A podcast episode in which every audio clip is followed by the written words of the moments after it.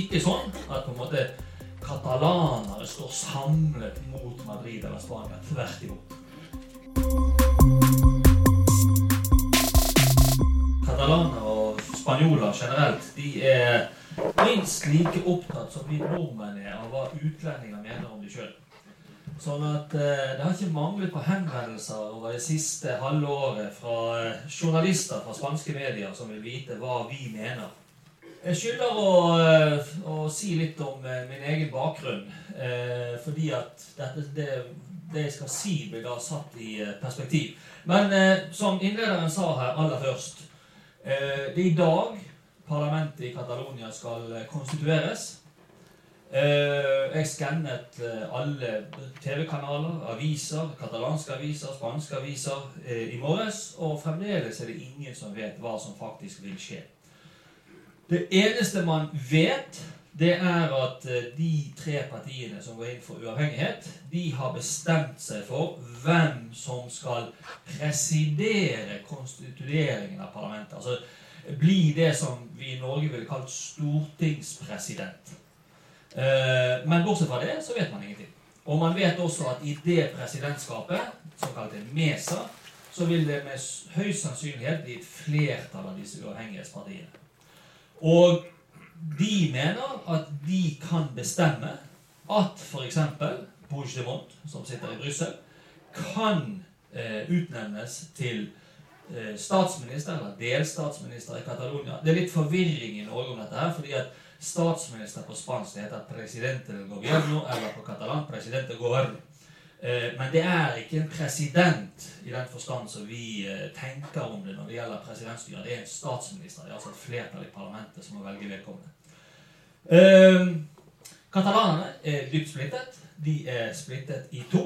Det er ikke første gang, det kommer ikke til å være siste gang. Det har de vært over mange hundre år. Hver gang det har dratt seg til med konflikter i Spania, som ofte har vært et speilbilde av generelle europeiske konflikter. Jeg pleier å si det at enhver europeisk konflikt, med unntak av første verdenskrig, har utspilt seg som en tilnærmet borgerkrig i Spania, og som borgerkriger internt, både i Catalonia og Baskana. De er dypt splittet, og det kommer de til å være.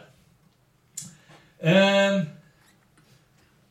det vi skal gjøre, er å ta i tur med bakgrunnen for hvorfor vi har havnet i den situasjonen som vi er i dag eh, med hensyn til Catalonia. Og da må vi gripe langt tilbake i historien. Eh, la meg først si litt om min egen bakgrunn. Eh, dere hører jo hvor jeg kommer fra. En by litt nord herfra. Eh, jeg studerte sammenlignende politikk ved Universitetet i Bergen. Eh, var spesielt opptatt av det vi kaller stats- og nasjonsbygging.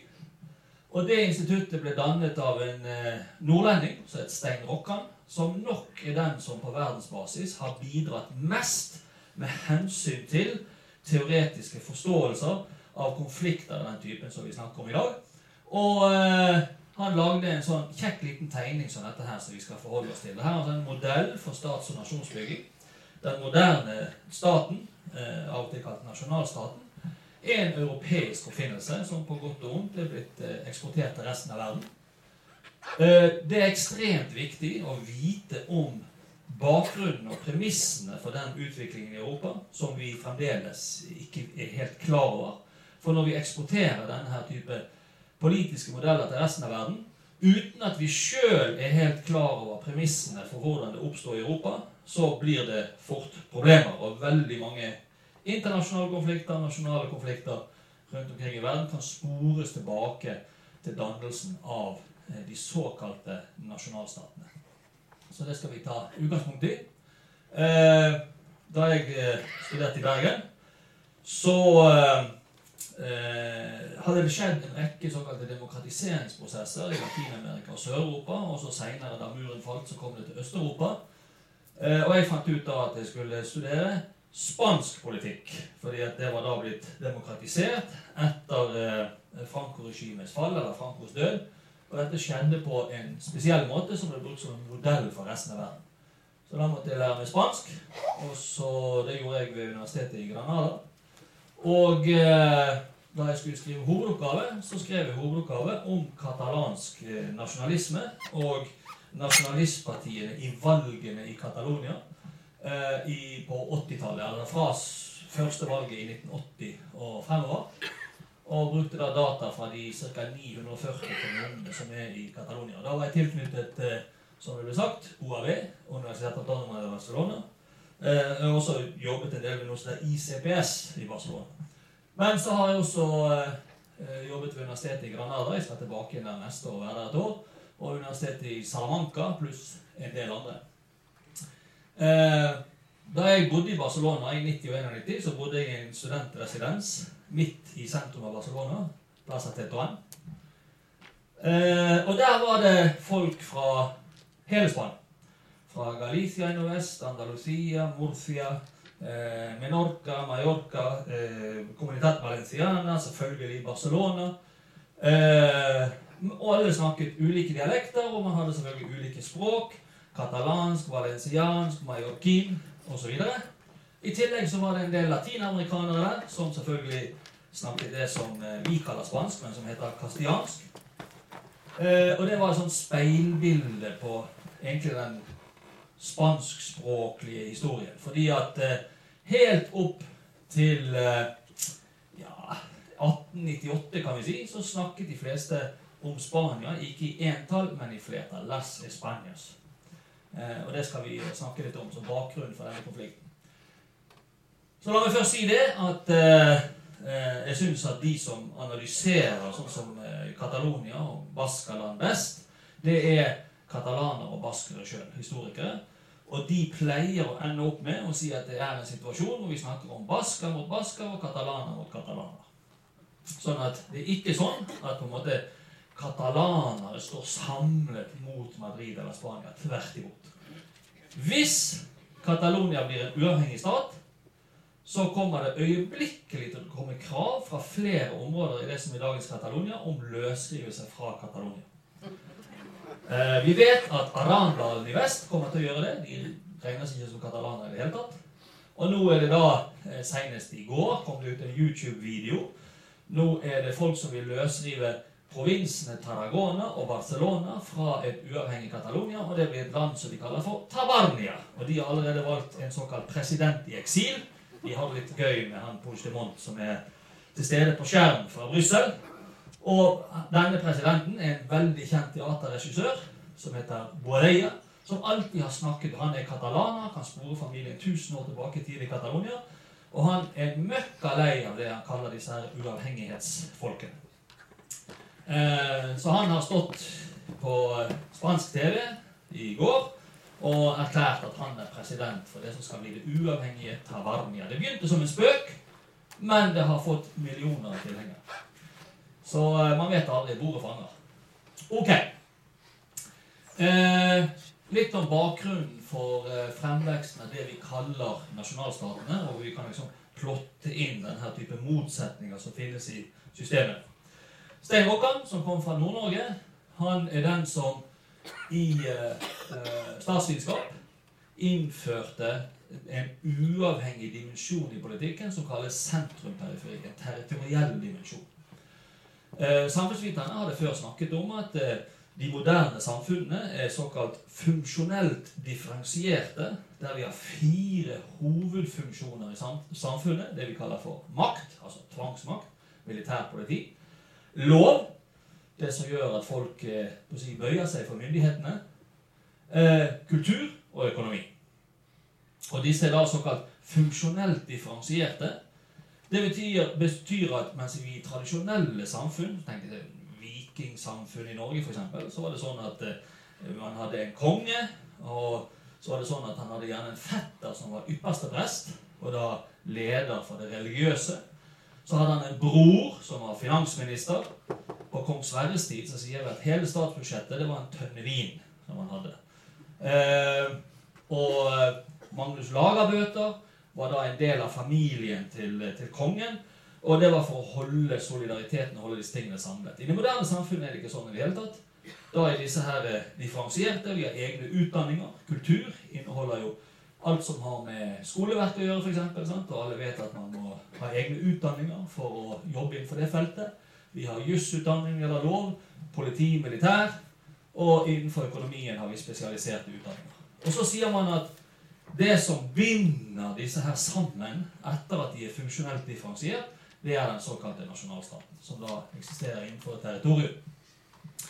Og hvis vi sier det at vi har noen sentrale eliter som setter i gang med en statsbyggingsprosess Husk på det at eh, Europa i middelalderen hadde tusenvis av politiske enheter. Kommer vi til 1950-1960-tallet, så var det i Vest-Europa, som Håkan tok utgangspunkt i, ca. 20 stater igjen. Og spørsmålet da hvordan skjedde dette her historiske prosess? Så vi har eh, sentrale eliter, og så har vi lokalsamfunn. Det er de som er her nede. Rundt omkring i eh, territoriet. Og så kan vi bruke Frankrike som eksempel. Der var det eh, noen aristokrater som holdt til i det som vi kaller for Ile-France, dvs. Si Paris, området rundt Paris, som klarte å legge under seg det territoriet som vi kjenner som Frankrike i dag. Og Da sier vi at først så må jo landet inkorporeres ved makt. Man må eh, forsvare det mot ytre fiender. Man får et militærvesen som på en måte strekker seg over hele landet. Vi kan se at Reiser man rundt i Europa, så finnes det jo i alle land en masse borger som er sånn spredt utover territoriet. Det var middelalderens måte å kontrollere territoriet på. Når den moderne staten vokste frem, så flyttet man grensefestninger, eller man bygde grensefestninger på grensene. Eh, da får man en sånn militær standardisering. Da går, kan vi si at det går en eh, impuls ut fra sentrum om at de perifere områdene må underlegge seg sentrums eh, vi får da det som vi kaller for voldsmonopolet. Moderne staten er definert ved at eh, myndighetene har monopol på bruk av legitim tvangsmakt. Det neste er skattemonopol at alle skal betale skatt inn til staten, ikke til lokale lensherrer. Eh, hva er det som skjer hvis en stat bryter sammen? Det første som skjer, det er at folk setter opp veisperringer og begynner å kreve at folk skal, eh, skal presentere seg for å komme forbi, og så må de betale tributt. Betale penger. På å si bompenger. Og det er det kun offentlige myndigheter som har lov til å gjøre. Jeg har ikke lov til å gå ut på Hvis jeg Eh, har lyst på en kopp kaffe, så kan ikke jeg gå ut på gaten her og sperre av trafikken og si at alle som går forbi, må betale meg fem kroner. Men sånn er det i det middelalderske systemet. Eh, skattlegging. Så, etter den franske revolusjonen, så fant man ut at eh, alle som bodde i territoriet, alle som var bønder, de skulle bli franskmenn. Og da kom krav om kulturell standardisering. Da gjennom eh, obligatorisk skolegang gjennom militærtjeneste, så tvang man igjennom det som vi i dag kjenner som fransk. Det var én dialekt, eh, Landøy, som kun ble snakket i området rundt Paris. Eh, den ble tvunget igjennom hele territoriet. De fleste folk rundt omkring de snakket bretonsk, baskisk, landoc, occiten var jo et eh, katalansk variant av språk. Men i løpet av to-tre generasjoner etter napoleonskrigen så var det sånn at alle hadde det vi i dag kaller fransk som førstespråk. Det, var en ganske brutal prosess. og Antall språk i Europa ble dramatisk redusert. Når folk da, som eh, bodde rundt i distriktene, måtte betale skatt, var underlagt eh, lover som gikk ut fra sentrum, og de var tvunget til å snakke det språket som de sentrale myndighetene fant ut at man skulle snakke, så kom det motkrav. Første motkravet går på representasjon. Når vi skal betale skatt inn til dette systemet, så må vi bli representert. Og Det er det som er grunnlaget for det representative demokratiet.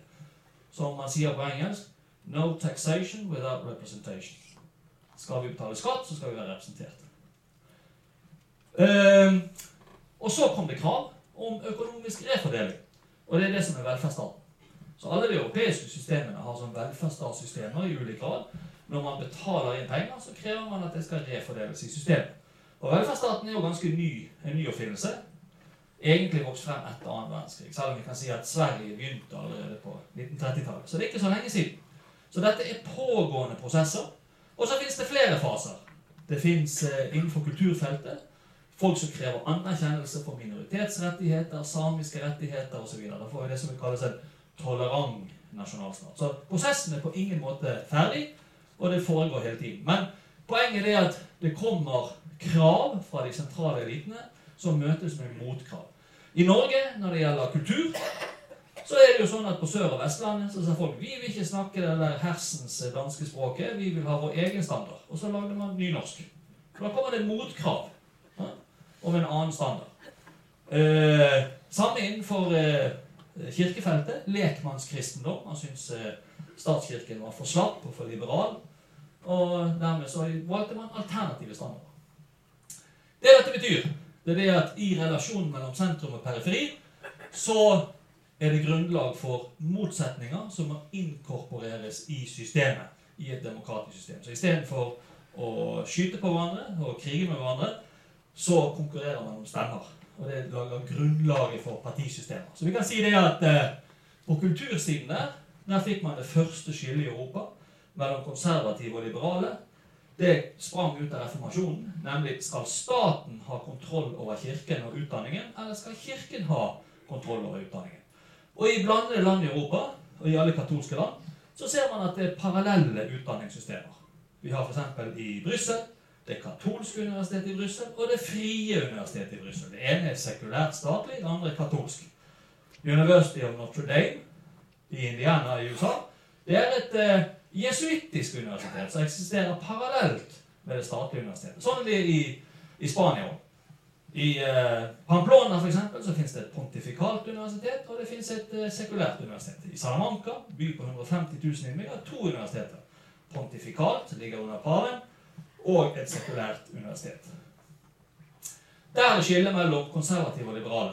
Kampen om hvem som skal ha kontroll over utdanningen og kulturen.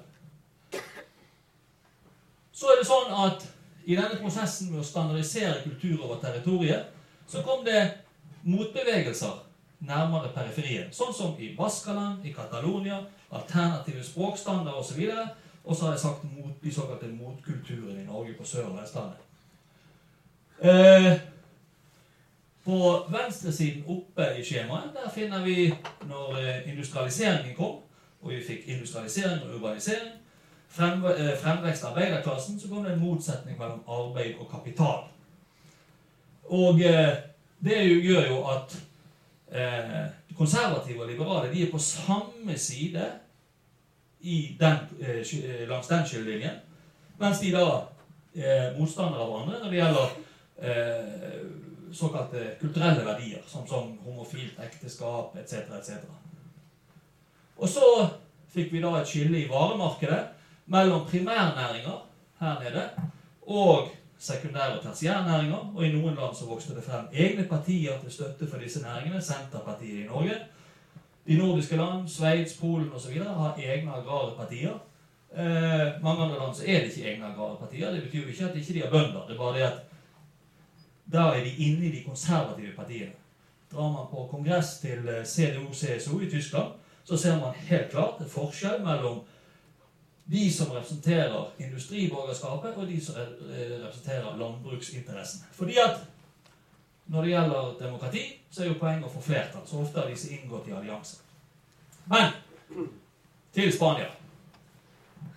Det som eh, vi i dag kaller Spania, som da helt frem til år 1900 ca., av de sjøl blir kalt eh, Spania i flertall, Las Spanias, det vokste frem gjennom en 800 eh, år lang prosess hvor gjennom en løs allianse av kristne kongedømmer klarte å presse maurene ut av den iberiske halvøy. De hadde jo eh, kommet inn til Europa på 600-tallet, ble stoppet eh, ved slaget på Atier i Sør-Frankrike, Karl Martel, og så trakk de seg tilbake på sørsiden av Pyreneene. Og styrte i Spania i 800 år. Ofte splittet opp i mange små såkalte taifas, eller kongedømmer. Men eh, oppe i Astolias, i eh, eh, nordlige Spania, så eh, hadde et lite eh, kongedømme kristent overlevd.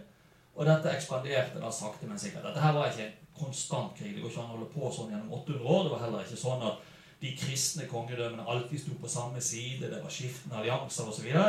Men poenget er at sakte, men sikkert så ble maurene presset ut. I den prosessen så utkrystalliserte seg det, det noen kristne politiske enheter. Det ene var kongedømmet Aragon, som Catalonia tilhørte. Catalonia har aldri vært en, et selvstendig land noen gang. Det var et grevskap under Aragon, som da holdt til på østsiden og frigjorde i hermetegn det som ble Catalonia, Valencia-området, Murcia osv. Oppe rett sør for Pyreneene så vokste Navarra frem, men det ble ganske snart innestengt. Fra Asturias så eh, ekspanderte man nedover, eller sørover, i det som heter Lyon. Og etter hvert så utkrystalliserte sin enhet som ble kalt for Castilla. Som er det som på en måte i dag Den, den, den, den standarden som vi kaller spansk, det heter egentlig castillansk. Det er den måten de snakker på, som er blitt internasjonalt det spanske. Og selvfølgelig Portugal. Eh, og disse konkurrerte om å presse maurene ut. Eh, to eh, kongedømmer ble dominerende, Aragon og Castilla. Disse slo seg sammen i en personalunion. Og i 1492 så falt det siste eh, mauriske kongedømmet, nemlig Granada i, eh, i Andalusia. Og 1492 det var jo samme året som Christoffer Columbus såkalt oppdaget Amerika. Og Det betydde at disse soldatene som var mobilisert i kampen mot maurene, de kunne sendes over Atlanteren og bedrive et kolonieventyr. Det viktige her er det at koloniene de tilfalt aldri Spania som sådan. Det eksisterte ikke noe som het Spania. De tilfalt Castilla. Aragon, der Catalonia var en del av, hadde ingenting med kolonien å gjøre. Dette er veldig viktig. Det bare viser at eh, Spania under det store imperietiden det var ikke en stat i den forstand som vi tenker i dag. Det var en løs allianse av ulike kongedømmer. Ulike lover i de ulike delene. Det har man hatt i Spania eh, fremdeles i dag. Baskaland og Navarra, det såkalte eh, regiones forales, de har spesielle rettigheter kalt fueros, som da Catalonia ikke har. Så det har vært et sånn konglomerat. Det er, ikke, det er ikke lik lovgivning over de spanske land. De ulike regionene har ulike lover og ulike forordninger. Eh, på den tiden så hadde det katalanske handelsborgerskapet i det som senere ble Barcelona, opprettet et stort handelsimperium i Middelhavet. Dere ser på gamle kart at f.eks. halvparten av Italia, Sør-Italia, det regnes da som spansk på denne tiden. Det var ikke spansk, det lå på en måte under den aragonesiske krone. Castilla hadde ingenting med det å gjøre. Men dette her eh, handelsborgerskapet ble etter hvert ganske rikt, og Catalonia vokste frem som et viktig handelssentrum. Madrid det ble ikke hovedstad før ut på 1500-tallet, da de spanske kongen den gang så hvor ligger det geografiske midtpunktet på den iberiske halvøy. Jo, det ligger i den lille landsbyen Margerit, en muslimsk landsby. Der legger vi hovedstaden. Før i tiden så hadde hovedstaden vært der kongefølget til enhver tid. Sånn var det også i Norge. Når kong Sverre reiste rundt, så var liksom hovedstaden der hvor kongefølget var. Dette her med å ha fast geografisk hovedstad, det er en moderne oppfinnelse. Men i hvert fall Spania sto på høyden av sin kolonimakt, men det var ikke samlet internt. Så gikk det nedover med Spania. Moderniseringen kom i Europa. Den franske revolusjonen var en katastrofe for Spania. Når franskmennene satte i gang med det at nå skal alle bøndene som bor her, bli til franskmenn, og vi skal tvinge gjennom en kulturell standard, så forsøkte kongemakten sentralt i Spania å gjøre noe lignende. Mislyktes fullstendig. Det var altfor store regionale forskjeller. For eksempel så gikk tollgrensen i Spania sør for Baskaland. Så lenge baskerne liksom ville forsvare territoriet mot en eventuell fransk invasjon, så brydde man seg ikke om hva de holdt på med. Så man måtte betale toll når man kom fra Baskaland og lenger sørover. Dette var helt vanlig. Ulike myntstandarder, masse forskjellige ting.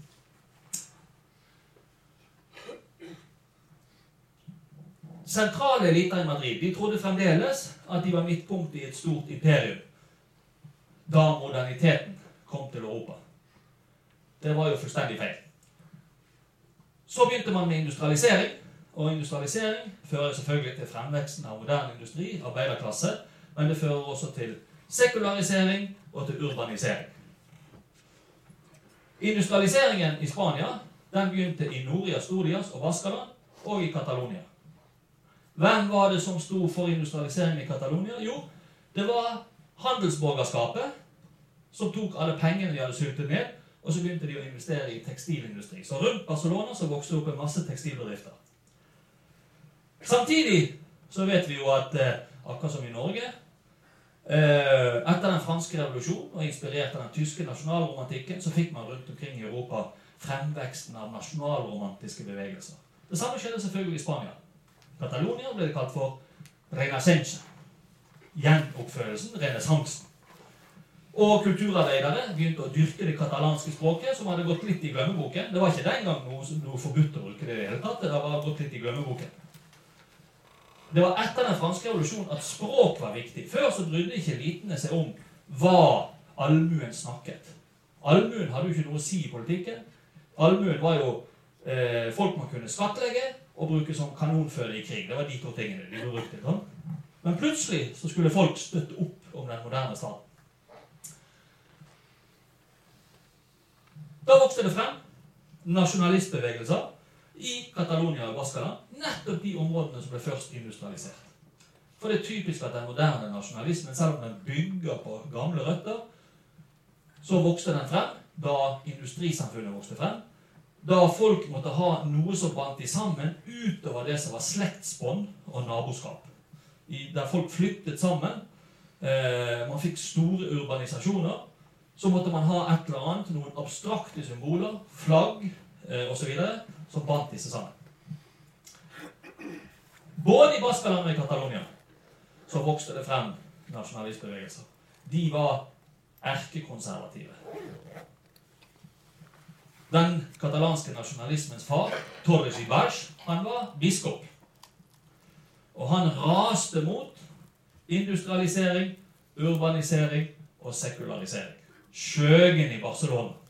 Han sjøl holdt til i Manresa, der bispesetet var. Men hvem var det som sto for nettopp det i Catalonia? Urbanis eh, industrialisering, urbanisering og sekularisering. Jo, det var jo det katalanske borgerskapet. Så når han tordnet mot utviklingen, så tordnet han mot sine egne. Det var akkurat det samme i Baskaland. Akkurat det samme. De store industrimagnatene som vokste frem, bankene f.eks., det var det som nasjonalistene kjempet imot.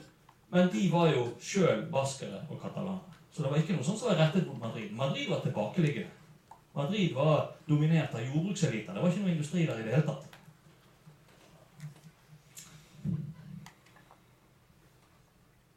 Finnes der en form for spansk nasjonalisme? Ja, det gjør det. Den kom etter at Spania, såkalte Spania, led nederlag mot USA i 1898 i krigen om Cuba og Filippinene. Da plutselig kom intellektuelle sammen i Madrid og sa vi må bygge den spanske nasjonen. Og Da var det allerede etablert nasjonalistbevegelser i Baskaland og i Catalonia. Det var mye mer moderne deler av det spanske territoriet. Og typisk når det vokser frem den type nasjonalistbevegelser, så begynte de å krangle internt. Og akkurat som dere kjenner fra Russland, man har de såkalte vestvendte, som mener at man må se til Vesten og lære de, og de såkalte østvendte, som mener at man må gå tilbake i russisk historie og finne røttene til eh, hva skal vi si, identiteten der. Akkurat det samme skjedde i Spania. På den ene siden de såkalte europeistene, som sier vi må se til Europa. Spania er et tilbakeliggende land. Eh, Ortega Gasset, veldig kjent filosof, sa Spania er problemet, Europa er løsningen.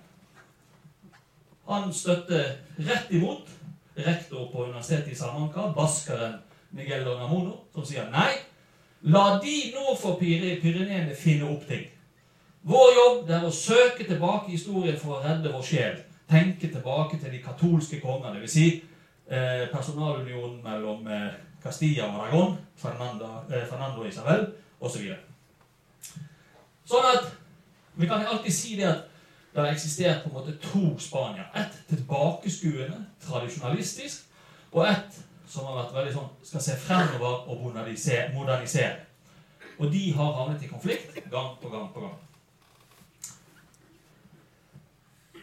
I dette her, så, som jeg sa innledningsvis alle store konflikter i Europa har på en måte vært borgerkriger eller konflikter internt i Spania og internt i Catalonia og Baskaland.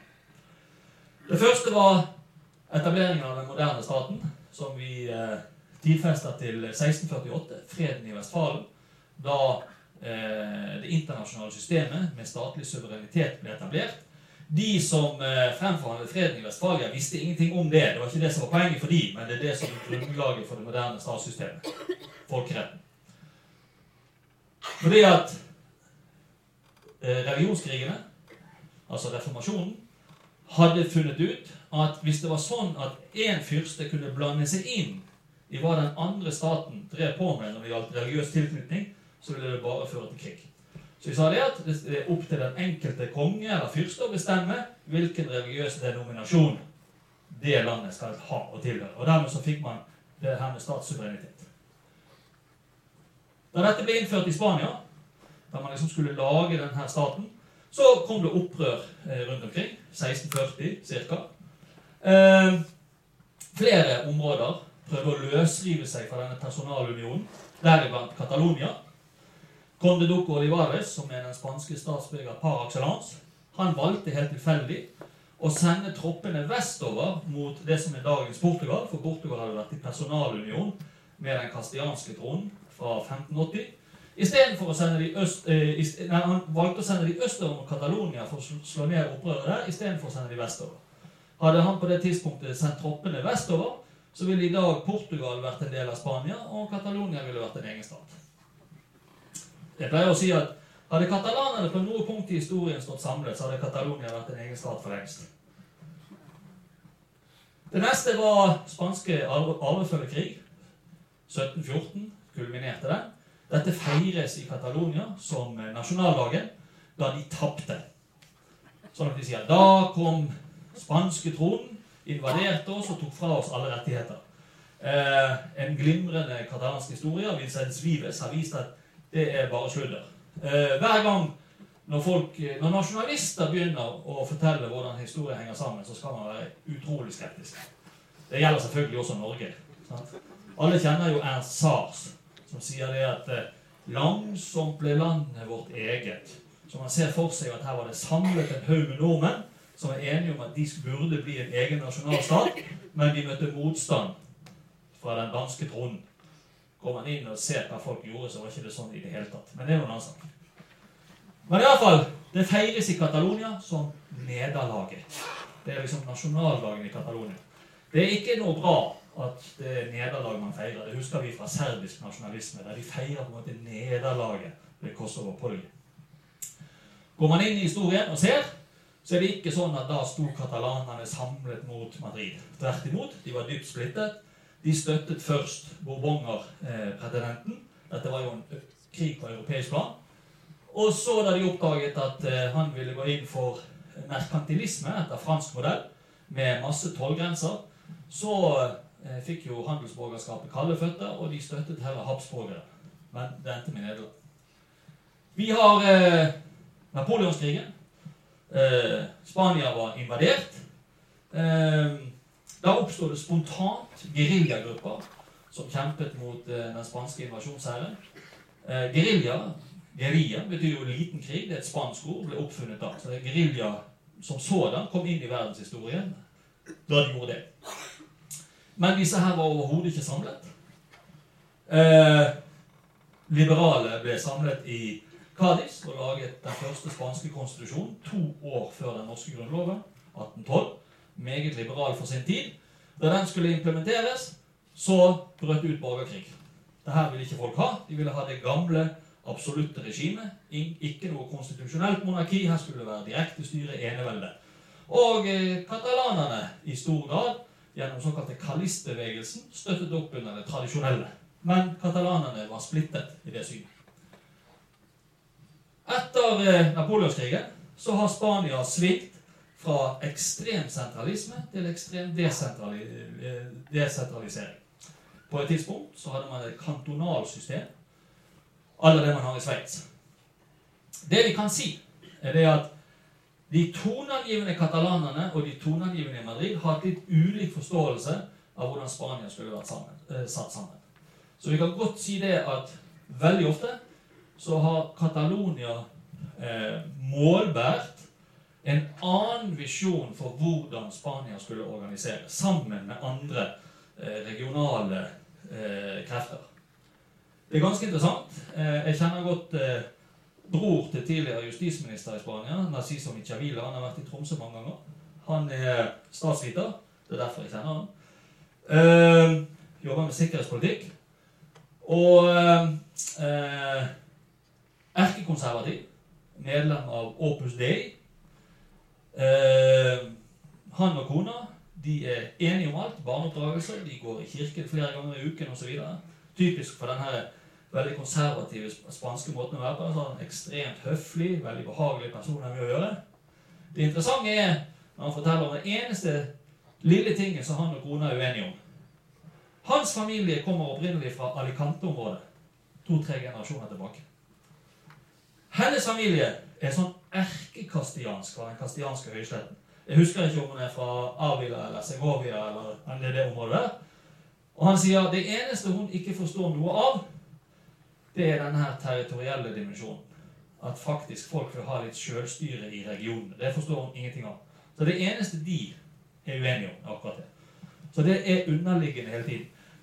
De fleste i Spania snakker om det lille fedrelandet, Patria Chica. Det er der de kommer fra. Og så har vi det store fedrelandet, som da er Spania, eller Spania i flertall. Men da altså nasjonalismen vokste frem i eh, Catalonia, så kan vi identifisere denne på kultursiden i dette motsetningsforholdet eh, mot de sentrale elitene. Hvorfor sier jeg det? Jo, fordi at det var selvfølgelig, som jeg sa, Torres Ibaj, han var biskop. Det var lærere, prester, journalister, dvs. Si egentlig kulturarbeidere, som målbar den katalanske nasjonalismen. De som sto for den katalanske økonomien, de var ikke enige i dette i det hele tatt. De ville jo ikke ha noe katalansk nasjonalisme.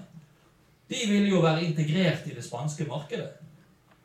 Eh, katalansk næringsliv var fremgangsrikt, helt avhengig av å kunne selge sine produkter på det større spanske markedet. Hvis Catalonia skulle løsrives som en egen stat, så ville plutselig markedet gå fra å være det store spanske til å bli knøttlille Catalonia. Det vil ikke gjøre noe av i det hele tatt. Den motsetningen eksisterer fortsatt i dag. Vi så da eh, de såkalte uavhengighetspartiene ensidig erklært uavhengighet. Så har jo da det katalanske næringslivet flyktet en masse fra Catalonia. For de må jo svare for sine aksjonærer. Og mange av de store og største og viktigste virksomhetene og bedriftene i Spania de har hovedsete i Catalonia. De er dannet av katalanere. Men de vil ikke ha noe av uavhengighet, så de har da flyttet til Valencia og andre områder. Det gjelder de store bankene, det gjelder alt mulig. Sånn at den interne spenningen mellom kulturarbeiderne på den ene siden, som ikke trenger å tenke på økonomi Mange av de er jo offentlig ansatt og hever sin lønn.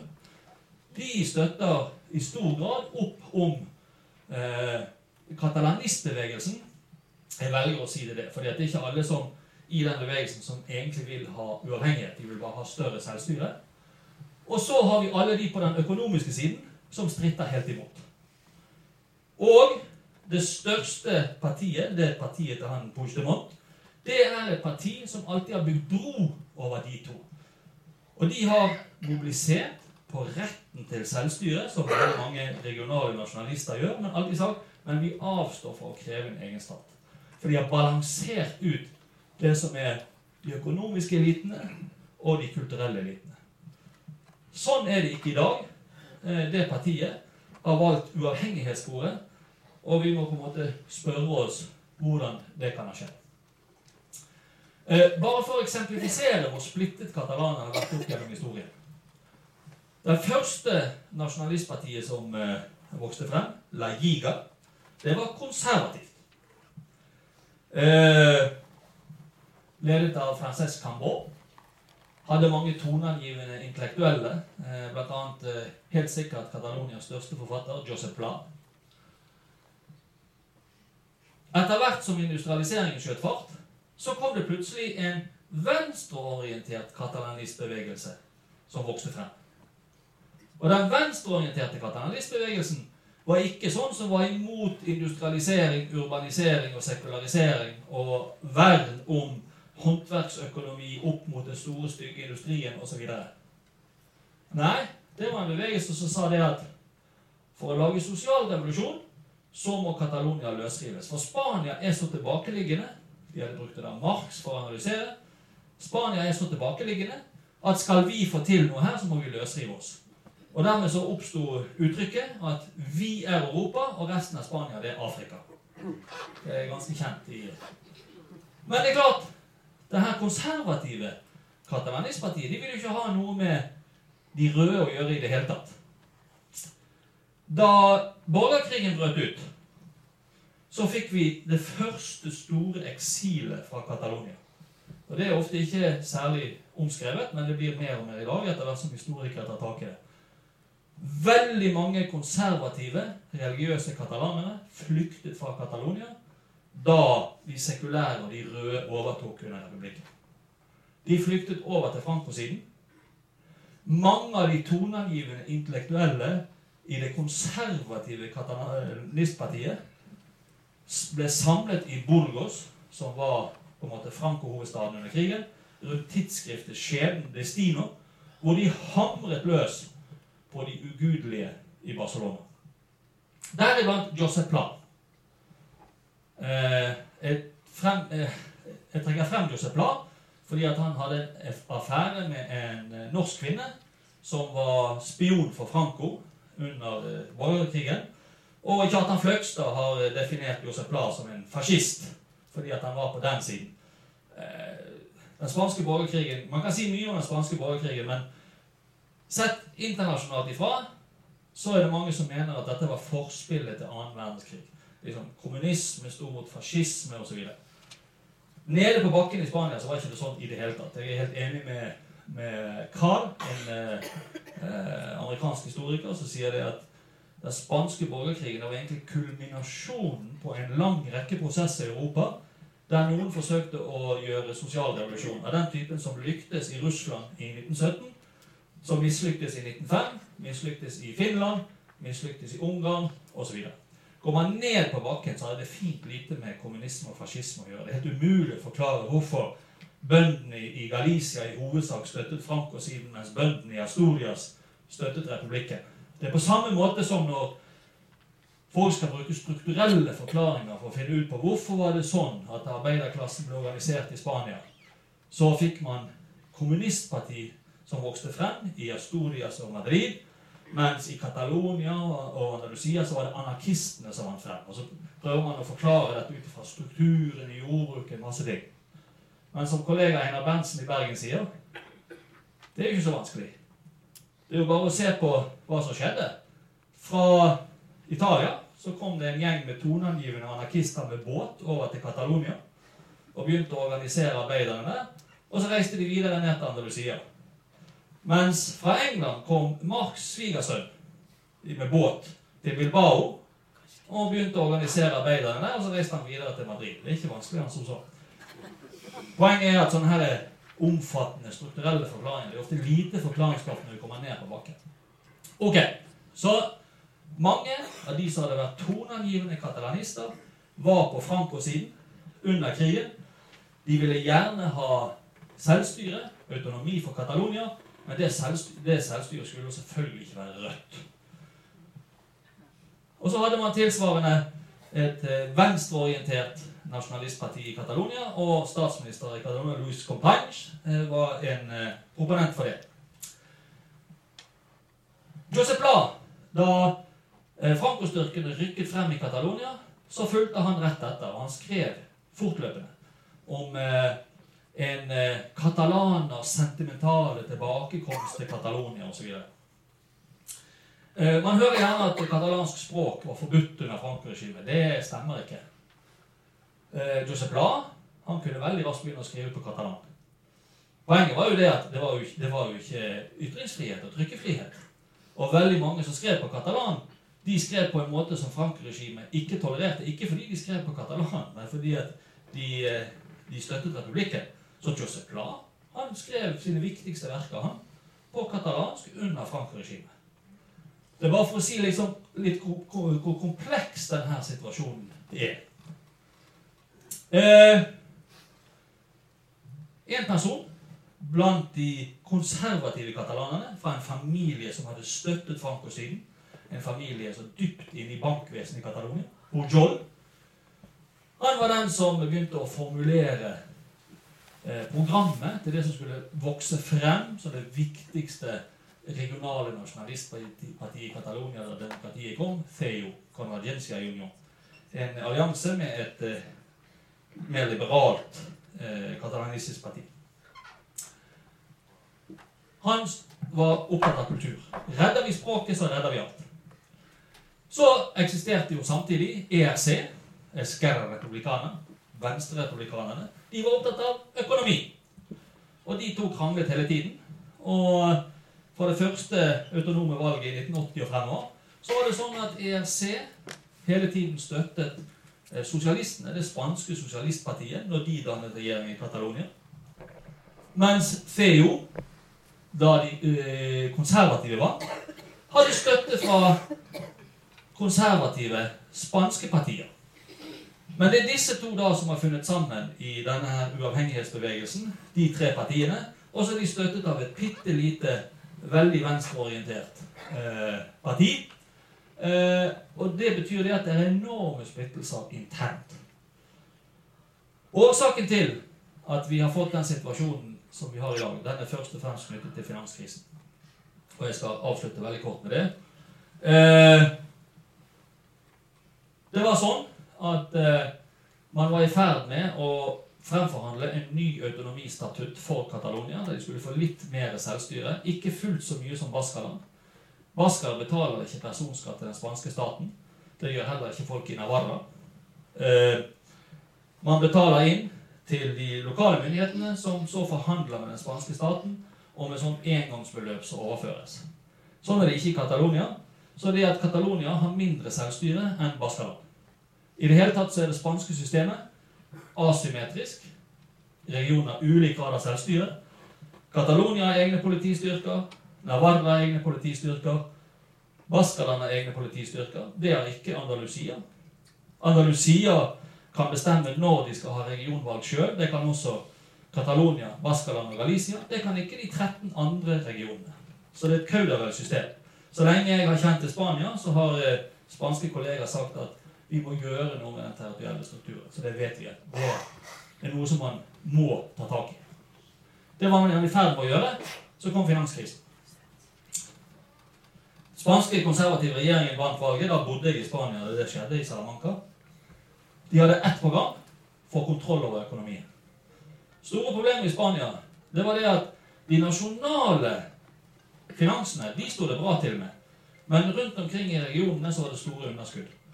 Og for at man skulle få kontroll og drive innstrammingspolitikk, så måtte man få kontroll over den regionale økonomien. Det var veldig mye snakk om at det lå ubetalte regninger rundt omkring i skuffer hos de regionale myndighetene. Dermed så stoppet sentralmyndighetene prosessen med å overføre mer autonomi til Catalonia. Og katalanerne var heller ikke noe, syntes ikke det var noe kjekt med disse innstrammingspakkene som kom. Det er det som er grunnlaget for at det som var Altså, I alle år etter Franco-regimet så driver man jevnlige målinger om katalansk identitet. Ca. 10% var folk som føler seg som bare katalanere og gjerne vil ha uavhengighet for Catalonia. En stor gruppe føler seg mer katalansk enn spansk, men vil ikke ha uavhengighet. En tilsvarende gruppe mer spansk enn katalansk, og så en liten gruppe som bare føler seg som spansk. Så det store flertallet har aldri villet ha noe uavhengighet, men de vil gjerne ha selvstyre. Og eh, de vil at man skal kunne bruke det katalanske språket. Det er jo for så vidt reddet. Det, har aldri stått så bra til noen gang opp gjennom historien med det katalanske språket som det gjør i dag. Men så har man altså klart å havne på et uavhengighetsspor. Og jeg syns de som analyserer dette best, det er egentlig kommentatorene i de store katalanske eh, avisene. La Vanguardia Periodico. Som kan fortelle om at dette uavhengighetssporet det er noe som det konservative partiet gikk inn på fordi at de hadde tapt flere valg i Catalonia, så de ville lokke ERC, Esquerra Republicana, over på deres side. Det var ikke planlagt på noe tidspunkt at det skulle ende med folkeavstemning om uavhengighet. Men de gikk til valg på det, og bordet fanger. Og så ble det sagt innledningsvis at eh, ja, vi har jo sett eh, brutale politiaksjoner. Vi har sett at eh, politiske ledere blir kastet i fengsel. Professor i juss Erik Holmøy i Bergen han er ekspert på denne type ting og sier ja, for det de har gjort, så er strafferammen i Spania 30 års fengsel. I Norge er akkurat det samme strafferamme på 15 år. Så hvis noen hadde eksempel i Rogaland funnet ut at nå skal vi arrangere en folkeavstemning om uavhengighet for Rogaland, så hadde de havnet rett i fengsel. Det er bare det at det er helt utenkelig i vårt system å gjøre sånn. Det de sitter i fengsel for, det er jo underslag av offentlige midler. Det heter malversasjon. Det koster ca. 110 millioner å arrangere en sånn folkeavstemning. Hvor kommer de pengene fra? Det er jo skattebetalernes penger som er brukt på ulovlig måte. Så det første paragrafen som Oriol Junquera sitter i fengsel for, det er underslag av offentlige midler. Så vet vi at eh, politiaksjonen var en katastrofe. Det er igjen en, eh et speilbilde av det territorielle systemet i Spania. Fordi at det var tre involverte politistyrker. Det katalanske, Mossos de Squadra, eh, nasjonalpolitiet, Politia Nacional, og sivilgarden. Og så var det gjort sånn at man skulle se Først så skulle det regionale partiet, Mossos de Squadra, få trå til og hindre folk i å komme inn i stemmelokalene. Først da nasjonalgarden og det nasjonale politiet så at de ikke gjorde det, så fikk de ordre om å gripe inn. Og alle vet som driver politiarbeid, det er mye lettere å hindre folk å gå inn i et lokale enn å skulle gå inn og så dra de ut etterpå. Nå var det veldig mye falske nyheter knyttet til på begge sider til disse aksjonene. Eh, det var fire personer som ble skadet. Eh, de som var imot uavhengighet, de la ut en masse filmklipp, falske, som viste hvordan eh, Mossos det regionale partiet, hjalp til med å skjule urner osv. Det var også helt falskt, for det gjorde de ikke. De bare grep ikke inn, de var passive. Og på den andre siden så var det masse falske nyheter, bl.a. noe som ble spredd på NRK, som angivelig da var nasjonalpolitiet som grep inn mot folk som skulle stemme. Men hadde man sett nøye på datoen, så hadde man sett at dette var en politiaksjon som Mossos hadde mot såkalte anti-innstramningsdemonstranter på Plaza de Catalonia ett år før. Så hver gang det kommer sånne her eh, strømmer med nyheter i sånne tilfeller, så tar det med en stor klype salt. Politikken i Spania er mye mer polarisert enn i Norge, og mediene er mye større grad politisert. Så jeg fikk masse henvendelser fra NRK, fra aviser, så sier de at ja, nå har det skjedd sånn og sånn. Så sier jeg har du to uavhengige kilder? Nei. Så sier ikke publiser det. Vent til du får to uavhengige kilder. Dessverre er det sånn at eh, eh, de redaktørstyrte mediene de blir mindre og mindre redaktørstyrt. Og Jeg var vant til alltid at journalister hadde en journalistisk metode som sier at du skal ha to uavhengige kilder før du publiserer noe. Det synes det mot hele tiden. Dessverre. Dessverre. Ok, så grunnen til at vi har havnet her vi har havnet, er det at Catalonia, katalanerne, er dypt splittet internt. Valgloven gjør at de såkalte uavhengighetspartiene har flertall i parlamentet, selv om de har mindretall av stemmene. For katalanerne de krangler så mye internt at de har ikke klart å lage en egen valglov for Catalonia. Alle de andre regionene har en egen valglov som er tilpasset regionen. I Catalonia må man bruke den nasjonale spanske loven som overrepresenterer små rurale valgkretser. Hvis Catalonia, som vi sier, skulle bli uavhengig, så vil det komme masse krav fra områder i Catalonia om uavhengighet fra Catalonia. De hevder med like stor rett som uavhengighetsforkjemperne sier vi har rett til uavhengighet, så vil de hevde rett til uavhengighet. Det som kommer til å skje, er at det kommer til å bli en, eh, reformering av den spanske grunnloven. En prosess som vil ta ca. 10-15 år. Og Catalonia vil få større grad av selvstyre, kanskje mer sånn som Har. For det vil ikke være mulig å løsrive Catalonia så lenge ikke det er flertall i folket, rett og slett. Ok, da stopper jeg der.